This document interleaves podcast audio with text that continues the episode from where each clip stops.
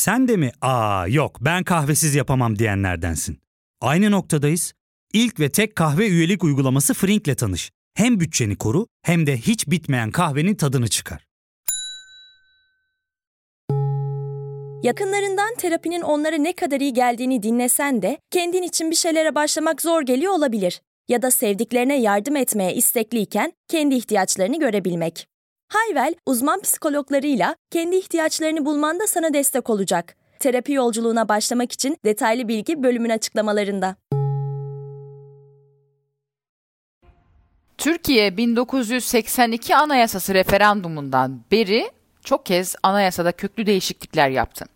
Hangi değişiklik ne kadar iyi oldu bu konu hala tartışmalı. Şimdi anayasa değişikliği yine gündemde. Ayrıntıları ve perde arkasını ele alacağız. Trend Topik'in 70. bölümüne hoş geldiniz. Ben Nevşin Mengü.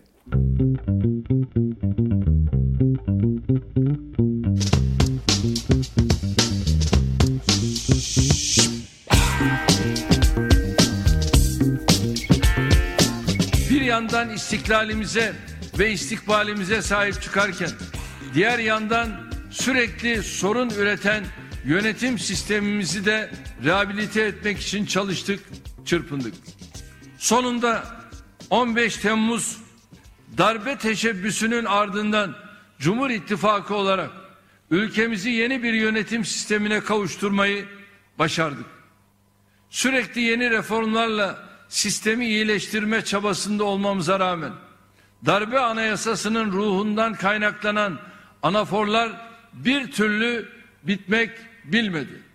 Bilindiği gibi geçmişte aynı tespitler ve ihtiyaçlarla mecliste yeni bir anayasa çalışması başlatmıştık. Meclis çoğunluğu bizim partimizde olmasına rağmen tüm partilerden eşit sayıda üyenin katılımıyla bir komisyon kurarak yeni anayasa için ilk adımı atmıştık. Bu samimi adımımız CHP'nin işi sürekli yokuşa sürmesi ve nihayet masayı devirmesiyle akamete uğramıştı. Tercihimiz tüm siyasi partilerimizin bu sürecin içinde yer almasıdır. Bunun için sonuna kadar samimi bir gayret göstereceğiz. Ancak şu veya bu sebeple kimi siyasi partiler kendini sürecin dışında tutsa bile biz milletimizin tüm kesimleriyle oturup konuşarak yeni anayasa çalışmalarının içinde olmalarını mutlaka temin edeceğiz. Bunun için sonuna kadar acele etmeden her kesimle gereken istişareleri yaparak önümüzdeki asrın ihtiyaçlarını karşılayacak bir anayasa metni ortaya çıkartmalıyız. Hatta bu öyle bir metin olsun ki Türkiye Cumhuriyeti'nin 150. 200. yılları kutlanırken bu anayasa çalışması tarihi dönüm noktalarından biri olarak gösterilsin. Bu öyle bir metin olsun ki anayasa hukuku literatüründe tüm dünyada örnek gösterilsin. Diğer toplumlara da ilham versin.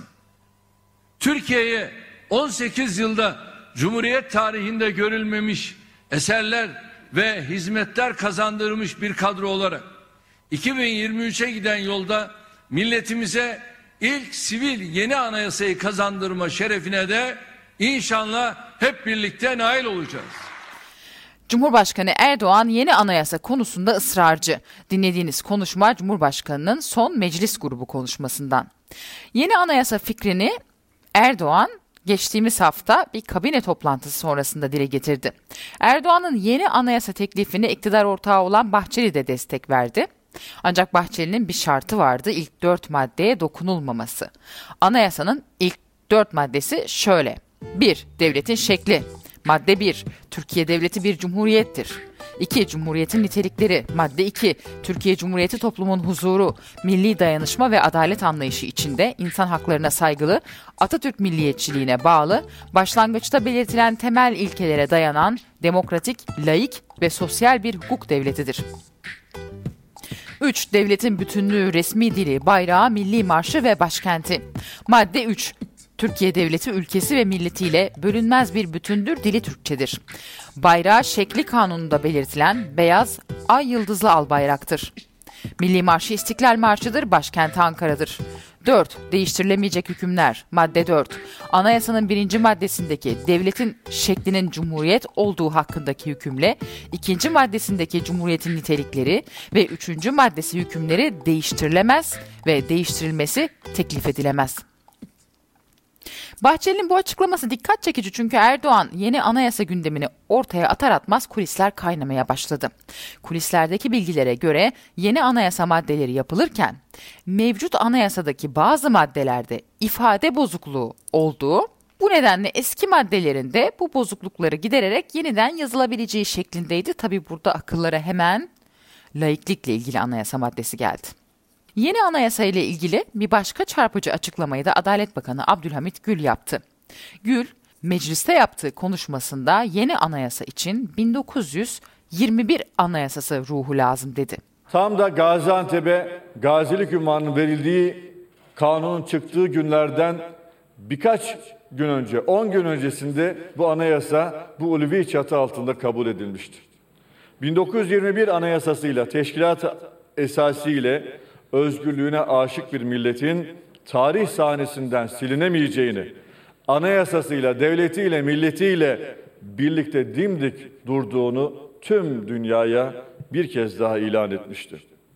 Bugün 1921 Anayasası'nın ruhuyla yine Cumhuriyetimiz ikinci yüzyıla girerken yeni bir toplumsal sözleşmeyi yine Gazi Meclisimizin iradesiyle, milletimizin iradesiyle yeni anayasayla taşlanacağına olan inancımız tamdır.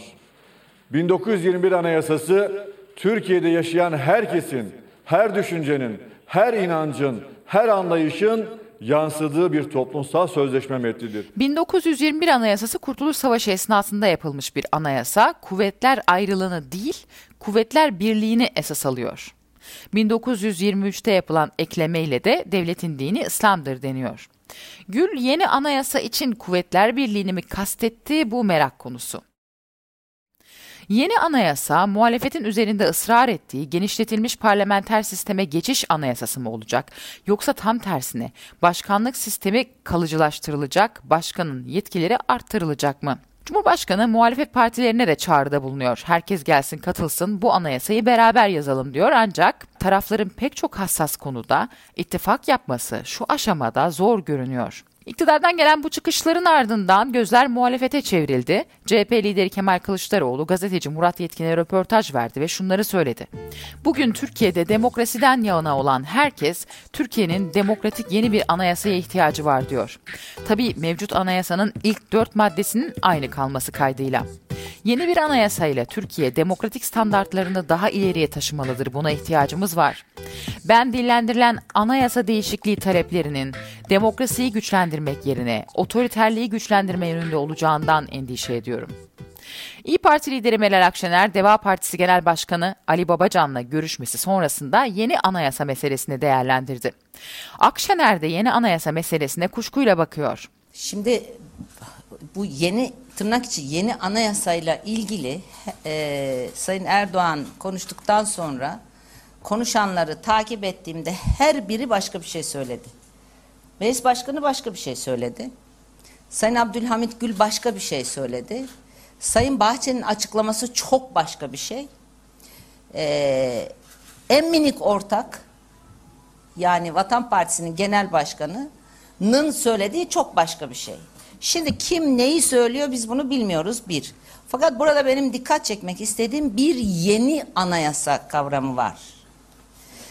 Şimdi e, partili cumhurbaşkanlığı sistemi 2017'de kabul oldu. Fakat hukuki zemini hala e, en son vatandaşın seçtiği cumhurbaşkanının hatta meclisin seçtiği cumhurbaşkanının yetkileri e, hukuki olarak çerçevesi içinde. Yemini bile aynı. Dolayısıyla bugün Sayın Cumhurbaşkanı'nın yaptığı işler e, o günkü kanunlar üzerinden ta, e, tanımlandığı zaman birçoğu hukuk dışı. Yani onun o anayasa değişikliğinin hukuki çerçevesi midir? Bu söylenen onu biz bilmiyoruz. Ama yeni anayasa dediğiniz zaman sıfırdan bir anayasa yapmak e, gibi bir iddia ise e, o zaman e, ikinci cumhuriyetin kuruluşu anlamını taşır ki bunun cevabını almamız gerekiyor. E, dolayısıyla anayasayla ilgili e, şu ana kadar gördüğümüz bizim bu neye dair, neye tekabül ettiğine dair bir durum yok. Anladığım kadarıyla Sayın Erdoğan bunu söyleyip arkada da herhangi bir hazırlık yok. Bu da benim şahsi fikrim. Gene bir yün yumağı attılar. Ee, insanları bu işe dolaştırıp gariban çiftçinin aç kalmış bebeğine mama alamayan kadının siftah yapamayan esnafın e, üretimden e, üretim dışı kalmış sanayicinin derdinin konuşulmadığı e, yeni bir süreç olarak da ben şahsen böyle okuyorum. Muhalefet konuya oldukça endişeli yaklaşıyor. Hükümetin anayasa değişikliği önerisinde samimiyet görmek istiyor. Güçlendirilmiş parlamenter sisteme geçmek isteyen muhalefet partileri sık sık bir araya geliyor. Anayasa değişikliğinin de başkanlık sistemine göre yapılabileceği konuşulan konular arasında. Deutsche Welle için yaptığımız yayında Ali Babacan da buna işaret etti. Ama e, şu var ki, şu var ki problem sadece sistemde değil. Şu anda Türkiye'yi yöneten zihniyet yanlış bir zihniyet. Yani şu andaki Türkiye'yi yöneten zihniyet sistem ne olursa olsun bu ülkede güçler ayrımına inanmıyor. Yargının bağımsız olmasına inanmıyor. Şimdi böyle bir zihniyetle başkanlık sistemini konuşsanız ne, parlamenter sistemi konuşsanız ne. Yani öncelikle e, güçler ayrımına, yargının bağımsızlığına inanan, bunu savunan bir zihniyet lazım. Hı hı. Hukukun üstünlüğünü kabul eden bir zihniyet lazım. Hukukun herkes için bağlayıcı olduğunu kabul eden bir zihniyet lazım. Hı. Anayasada bir şeyler yazılıysa onun herkes için bağlı bağlayıcı olduğunu kabul eden bir zihniyet lazım. Şimdi eğer ülkeyi yöneten zihniyette bu nosyon yoksa neyi konuşacaksınız ki? Anayasa istediğinizi yazın. Zaten uymuyorlar ki. Yani bugünkü yazılı olan anayasaya uymayan bir zihniyetle anayasa değişikliğini istediğiniz kadar konuşun. Ne yazarsanız yazın zaten günü geldiğinde e, uymayacak yine. E, dolayısıyla biz hep şunu söylüyoruz. Türkiye'de topyekun bir iktidar değişikliği olmadan bu ülkenin sorunlarını çözmek mümkün değil. Çünkü bir gün şöyle bir şey çıkabilir. Bir gün Sayın Erdoğan diyebilir ki aslında biz ülkeyi çok iyi yönetecektik. Fakat hata yaptık. Ki ara ara diyor biliyorsunuz. Yanıldık, aldatıldık. Başkanlık sistemi olmadı. Ben her şeyi doğru yaptım ama bu sistem ülkeyi kötüye götürdü. Ama bütün bunlara rağmen baktığımızda her şeye rağmen parlamenter sistem olan destek gittikçe artıyor. Ya fark ettin mi? Biz en çok kahveye para harcıyoruz. Yok abi, bundan sonra günde bir. Aa, sen Frink kullanmıyor musun? Nasıl yani? Yani kahvenden kısmına gerek yok. Frink'e üye olursan aylık sadece 1200 TL'ye istediğin çeşit kahveyi istediğin kadar içebilirsin. Günlük 40 TL'ye sınırsız kahve mi yani? Çok iyiymiş. Aynen. Hatta şu anda 200 TL'lik bir indirim kodu da var. E hadi hemen indirip üye ol da bu fırsatı kaçırma. Terapiye başlamak, içinden çıkamadığın döngüleri kırmak, bazı yanlış bulduğun kararlarını değiştirmek ve kendinle beraber daha huzurlu bir yaşam inşa etmek için atabileceğin en değerli adımlardan biri. Hayvel ile yoğun yaşam tempona uyum sağlayarak online terapi seanslarını takvimine göre ayarlayabilirsin. Bini aşkın uzmandan sana en uygun terapisti seçebilir, PodB10 koduyla indirimden yararlanabilirsin. Detaylı bilgi açıklamalardaki bağlantıda. Ve her türlü kamuoyu yoklamasında şu anda %50'den fazla. Ee, dolayısıyla günün birinde çıkıp hükümet yani bu gidişata bakıp ya bu iş kötüye gidiyor. En iyisi biz e, kazanan tarafa doğru şimdiden evrilelim ve bahsettiğiniz gerekçelerle de o tarafa doğru kayalım derler. O zaman bizim tabii şunları sormamız lazım. Yani güçler ayrımına inanıyor musunuz? Yargının bağımsızlığına inanıyor musunuz? Özgürlüklerden yana mısınız? Yani özgürlüklere var mısınız? Yani mesela gidin o zaman hemen açıklama yapın. İnanmamız için e, bir şey gerekir yani biliyorsunuz bir Kanıt. bir vadeli alışveriş vardır, bir peşin alışveriş. Şimdi tarafların karşılık güveni yoksa alışveriş peşin olur yani. Parayı verirsiniz, mal alırsınız çünkü. Ama karşılık güven varsa hani kredi açarsınız ve krediyle yürür. Şu anda bizim güvenmemiz için açıkçası e, peşinden bir şeyler yapılması lazım. Mesela hemen bir açıklama lazım. Ben artık yargıya müdahale etmeyeceğim. Ve bunu gerçekten görmemiz lazım sahada. Mesela demesi lazım ki artık basın özgür. TRT'ye dönüp demesi lazım ki ya TRT sen 84 milyondan kesilen elektrik paralarıyla finansmanını sağlamıyor musun? Bütün 84 milyondan aldığın parayı nasıl olur da sadece tek bir partinin propagandasını yapmakta kullanırsın. Ben Cumhurbaşkanı olarak artık istemiyorum. TRT bundan sonra tarafsız yayın yapacak. Bütün siyasi partilere eşit davranacak. Şart değil ama biraz samimiyet testi diyelim. Hmm. Yani samimiyeti görmek için bazı değişiklikleri görmemiz lazım önce. BBC Türkçe bu süreçte yeni anayasa ile ilgili bir başka kulis haberi hazırladı. BBC Türkçe'nin Ayşe Sayın imzalı haberine göre AK Parti yeni anayasa için mecliste komisyon kurdurmayacak. Çalışmalar meclis dışında yapılacak. Uzman akademisyen, sivil toplum örgütleri ve meslek örgütlerinden görüş alınacak. Habere göre AK Parti bu yeni anayasa çalışmasıyla muhalefeti de bölmeye amaçlıyor. Kimi maddelerde muhalefetin daha muhafazakar katmanlarının hoşuna gidecek değişiklikler yaparak muhalefet ittifakı içinde tartışmaları alevlendirmek hedeflerden biri. Bir diğer hedefte bir sonraki seçimde seçmenden yeni anayasayı yapacak meclis çoğunluğu için oy istemek. Şu anda mecliste AK Parti ve MHP'nin yeterli milletvekili yok. İkisi tek başına istedikleri değişiklikleri meclisten geçiremiyor. Bunun için AK Parti ve MHP'nin meclisteki milletvekillerinin üçte ikisine sahip olması gerekiyor. Aslında Türkiye uzak sayılmayacak bir geçmişte 2010 yılında kapsamlı anayasa değişiklikleri yapmıştı. O dönemde halk oyuna sunulan anayasa değişiklikleriyle ilgili tartışmalara yetmez ama evet diyenler damga vurmuştu. O dönem yetmez ama evet diyenler bugün hala eleştiriliyor. Yetmez ama evetçi olarak bilinen isimlerden Oya Baydar konuyla ilgili T24'te Murat Sabuncu'ya konuştu. Pişman olduğunu söyledi. Bu konuda hani özdeştir demişken bir şey daha söylemek istiyorum. Geçen gün T24'teki yazınızda da okudum girişinde iki evvelki yazınız. Ee, şimdi başını hatırlayamadım ama diyorsunuz ki 2010 anayasa referandumunda darbe anayasasını toptan değiştirmese de törpülediğini sivilleşmeye pencere açabilecek, demokrasiyi genişletecek maddeler getirdiğini sandığım için evet deme sazanlığını yapmıştım da hala bedel ödüyorum. Yazınızın giriş ikinci cümlesi buydu. Yani o meşhur yetmez ama evet tartışmaları.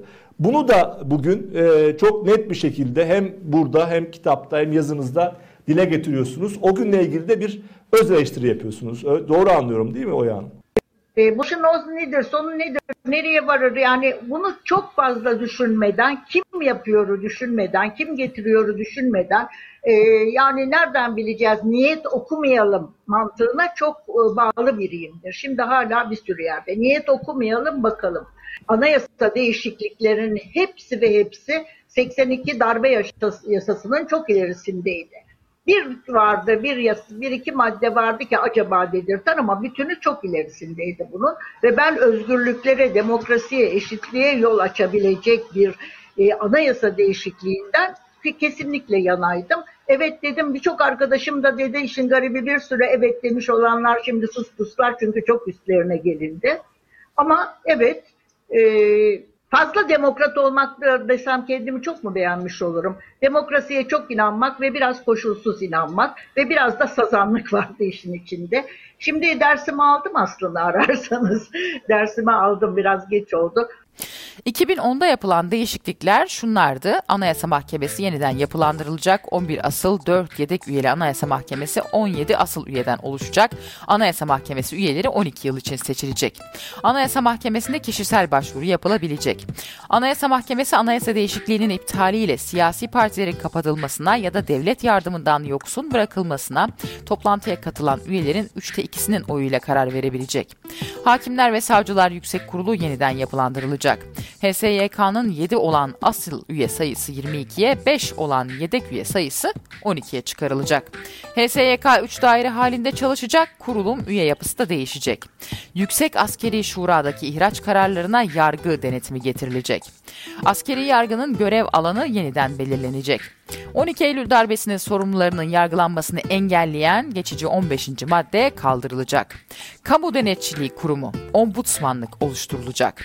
Kurum, Türkiye Büyük Millet Meclisi Başkanlığı'na bağlı olarak kurulacak ve idarenin işleyişiyle ilgili şikayetleri inceleyecek. 2010 anayasa değişiklikleri referandumda geçti. Bu değişiklikten 7 yıl sonra ise Türkiye yine anayasayı değiştirmek için yeniden sandık başına gitti. Bu kez sistem kökten değiştirildi.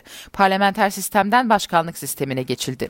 Meclisteki milletvekili sayısı 550'den 600'e çıkarıldı. HSYK'nın yapısı yine değiştirildi. Oylama günü kaos yaşandı çünkü öğleden sonra oy verme işlemi devam ederken Yüksek Seçim Kurulu daha önce hiç yapmadığı bir şey yaptı ve mühürsüz oyların geçerli sayıldığını duyurdu. Vatandaşlar YSK'nın kararlarını protesto ettiler ama bir şey değişmedi. Mühürsüz oylar geçerli sayıldı ve değişiklik referandumdan geçti. 2010 değişikliği ile ilgili soruyu Deutsche Welle yayınında Ali Babacan'a sordum. Babacan önemli bir detayın altını çizdi. 2010 Bunlar anayasasıyla da şöyle bir şey oldu. Hani HSYK'nın bütün yapısı değiştirildi. E hani neydi o dönem yapısının değiştirilmesinin nedeni? Sekülerlerin önünü kesmek. E sonra e, Gülen'e yakınlar, Gülenciler. Gülenciler Ama o, dolduruldu o sonuçta. şöyle oldu Böyle bir şey oldu. Ama orada çok enteresan bir konu var biliyorsunuz. Meclisten geçen anayasa değişikliğinde öyle bir şey yoktu. Meclisten geçen anayasayı, meclisin kabul ettiği anayasayı Anayasa Mahkemesi iptal etti ve kendi istediği şekilde düzenleyip yayınladı. Bu ilk defa oldu böyle bir şey. Normalde Anayasa Mahkemesi bir itirazı varsa geri gönderir. Bozar. Der ki bunu tekrar çalışın. Öyle yapmadı. Bozdu ve nasıl olması gerektiğini de kendisi yazdı. Yani o HSYK ile ilgili düzenlemeleri yapan Anayasa Mahkemesi kendisi. Meclisten geçen düzenlemenin aleyhine değiştirdi ve yaptı. Biz yani ağzımız açık baktık. Nasıl yapabilirler böyle bir şey? Anayasa Mahkemesi böyle bir hakkı yok. Yapamaz yani. Anayasaya uygundur değildir der. Uygun değilse de gönderir tekrar çalışın der. Öyle yapmadı. Bu uygun değil dedi ve bana göre böyle olması gerekiyor dedi. Ve kendini meclisin yerine koydu. Ve HSYK konusunda düzenleme yaptı. Ondan sonra yargıdaki bütün sorunlar başladı. Onda, o zaman o bizim gönderdiğimiz, meclisin gönderdiği bir düzenleme değil. o zaman mı hükümet yargıyla kavga etmeye başladı? E tabii bir anayasa mahkemesi nasıl hatta önceden vardı bu problem. Tamam. Yani o 367 kararı 2007 falan sanırım yani şimdi yanlış hatırlıyor olabilirim. Çok eski 13 yıl Ama öncesinden Ali Bey bahsediyoruz. şöyle bir şey vesayet hani diyorsunuz vesayet gitti. Evet. E, onun beteri bir vesayet geldi. Bu sefer işte Gülenistlerin vesayeti geldi değil mi? E, çok Bunu hatırlıyoruz işte şey. Ergenekon, Balyoz Çok vesaire kötü. davaları. Ama Beter zaman- oldu yani. Ama işte Anayasa Mahkemesi'nin kendisi yaptı. O günkü Anayasa Mahkemesi'nin kendisi yaptı bunu. Hakeza Yani orduda da aynı de şey bu tür olmadı. etkiler yani o tür yapıların da etkisi etkisiyle yaptı bunu. Yani bu da doğru değil. Yani bir ülkenin Anayasa Mahkemesi sadece ve sadece evrensel hukuka bakacak, anayasaya bakacak ve oradaki e, mahkeme üyeleri kendi hür vicdanlarıyla karar verecek. Böyle farklı yapıların mahkemeye etki etmesi, kendi isteğine isteği yönünde anayasayı değiştirmesi bir anayasa mahkemesinin. Böyle bir şey yok. Dünyada böyle bir şey yok yani. Haklısınız Ya ama bu şöyle kadar- bir şey yok mu? Hani burada da demek ki hükümetin bir, siz içindeydiniz demiyorum ama demek ki bir ajandası varmış. Bu yapıyı değiştirmeye yönelik ve bir başka bir yapıyı buraya yerleştirmeye yönelik. Yani hani tarihte bunu yaşadık. Ama Bu oldu. hükümet yapmadı zaten. Anayasa Mahkemesi kendisi yaptı. Onu demeye çalışıyorum yani. Bu HSYK ile ilgili Anlıyorum. düzenlemeden sonra oldu bunlar. HSYK ile ilgili düzenlemeyi meclisten geçeni bozup kendi istediği şekilde çevirip resmi gazetede yayınlatan Anayasa Mahkemesi'nin kendisi. İşte o da Yani çok garip bir durum. yaradı. Yani bunu inan biz başka yani iyi hukukçulara, dünyadaki iyi hukukçulara anlatmakla o kadar güçlük çekiyoruz. Ya böyle bir şey nasıl olur diyorlar. Oldu ama diyoruz yani. Oldu. Ordu'da da benzer Oldu. bir şey Ondan oldu. sonra ne oldu? Yargıda o gün bugündür gerçekten çok büyük sorunlar var. İşte o süreç Türkiye'yi 17-25 Aralık'a taşıdı. Evet iktidar yeniden yeni bir anayasa yapma iddiasına soyunmuş durumda. Kapatırken Mehmet Tezkan'a kulak verelim. Cumhurbaşkanı anayasayı konuşmanın zamanı geldi diyerek bu anayasadan memnun olmadığını bir anlamda beyan etti. Niye memnun değil anlamadık. Yeni anayasayla ne tür değişiklikler istiyor o da belli değil. Aslında bu anayasa tamamen Cumhurbaşkanı Erdoğan'a yönelik yapıldı. Bakın Bahçeli ne demişti? Ya Cumhurbaşkanı anayasaya uymuyorsa biz anayasayı Cumhurbaşkanı'na uyduralım dedi. Düğmeye bastı. İşte bu önümüzdeki anayasa, bu yeni rejim, yeni sistem, yeni model. Adına ne dersiniz deyin. Cumhurbaşkanına göre biçimlendirildi. Yani anayasa elbisesi Cumhurbaşkanına göre biçildi, dikildi, giydirildi. Şimdi dünyada hiçbir demokratik ülkede bu kadar yetkili bir yönetici yok. Cumhurbaşkanı aynı zamanda hani başbakan yetkilerine sahip icraatın başı ama sorumlu değil. Kimse hesap soramıyor mesela. Meclis dahil. E bu anayasayla Kuvvetler Birliği getirildi. Ha, fiilen Kuvvetler Birliği geldi. Resmen yazılı olarak kuvvetler ayrılığı varmış gibi gözünse bile. Bu anayasayla Cumhurbaşkanı bir tek imzalı istediğini yapabiliyor. Bakın kendine kendine Varlık Fonu'nun başkanı olarak atadı. Kamu bankalarında o yönetiyor. BOTAŞ'ı da o yönetiyor. Türk Hava Yolları'nda o yönetiyor. Her şeyi o yönetiyor. Bütün kamunun bütün güçlü kuruluşları Vakıf Bank'tan tutun, e, Halk Bankası, Ziraat hepsi hepsinin başında o var. İcraatın içinde. Ama hiçbir sorumluluğu yok. Bakın geçen gün bir bir imzayla 15 tane e, yaylayı imara açabildi. Bir imzala işte köprülere zam yapıyor. İstediği ürüne, istediği devletin çıkardığı ürünlere, vergilere istediği zam yapabiliyor. İstediği fiyat artışını getirebiliyor. Ben Cumhurbaşkanı daha ne istiyor anlamadım. Gelişmeleri takip ediyoruz. Evet 70. bölümü tamamladık. Yorumlarınız, paylaşımlarınız ve ilginiz için çok teşekkür ederim. Trend Topi'yi Podbi Medya ile hazırlıyoruz. Başka bir bölümde görüşmek üzere.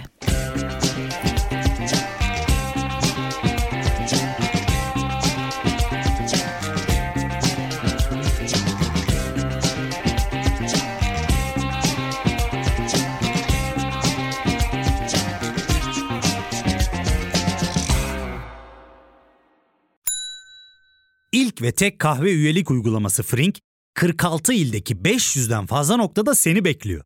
Açıklamadaki kodu girerek sana özel 200 TL'lik indirimden faydalanmayı unutma. Hadi sen de Frink üyeliğini başlat, kahven hiç bitmesin. Hem bugününe hem yarınına katacaklarıyla terapi yolculuğuna ve daha iyi hissetmeye bugün Hayvel ile başla. Açıklamadaki linkten Hayvel'i indir, ücretsiz tanışma görüşmelerinin ardından bütçene uygun seans paketini seç ve terapi yolculuğuna başla.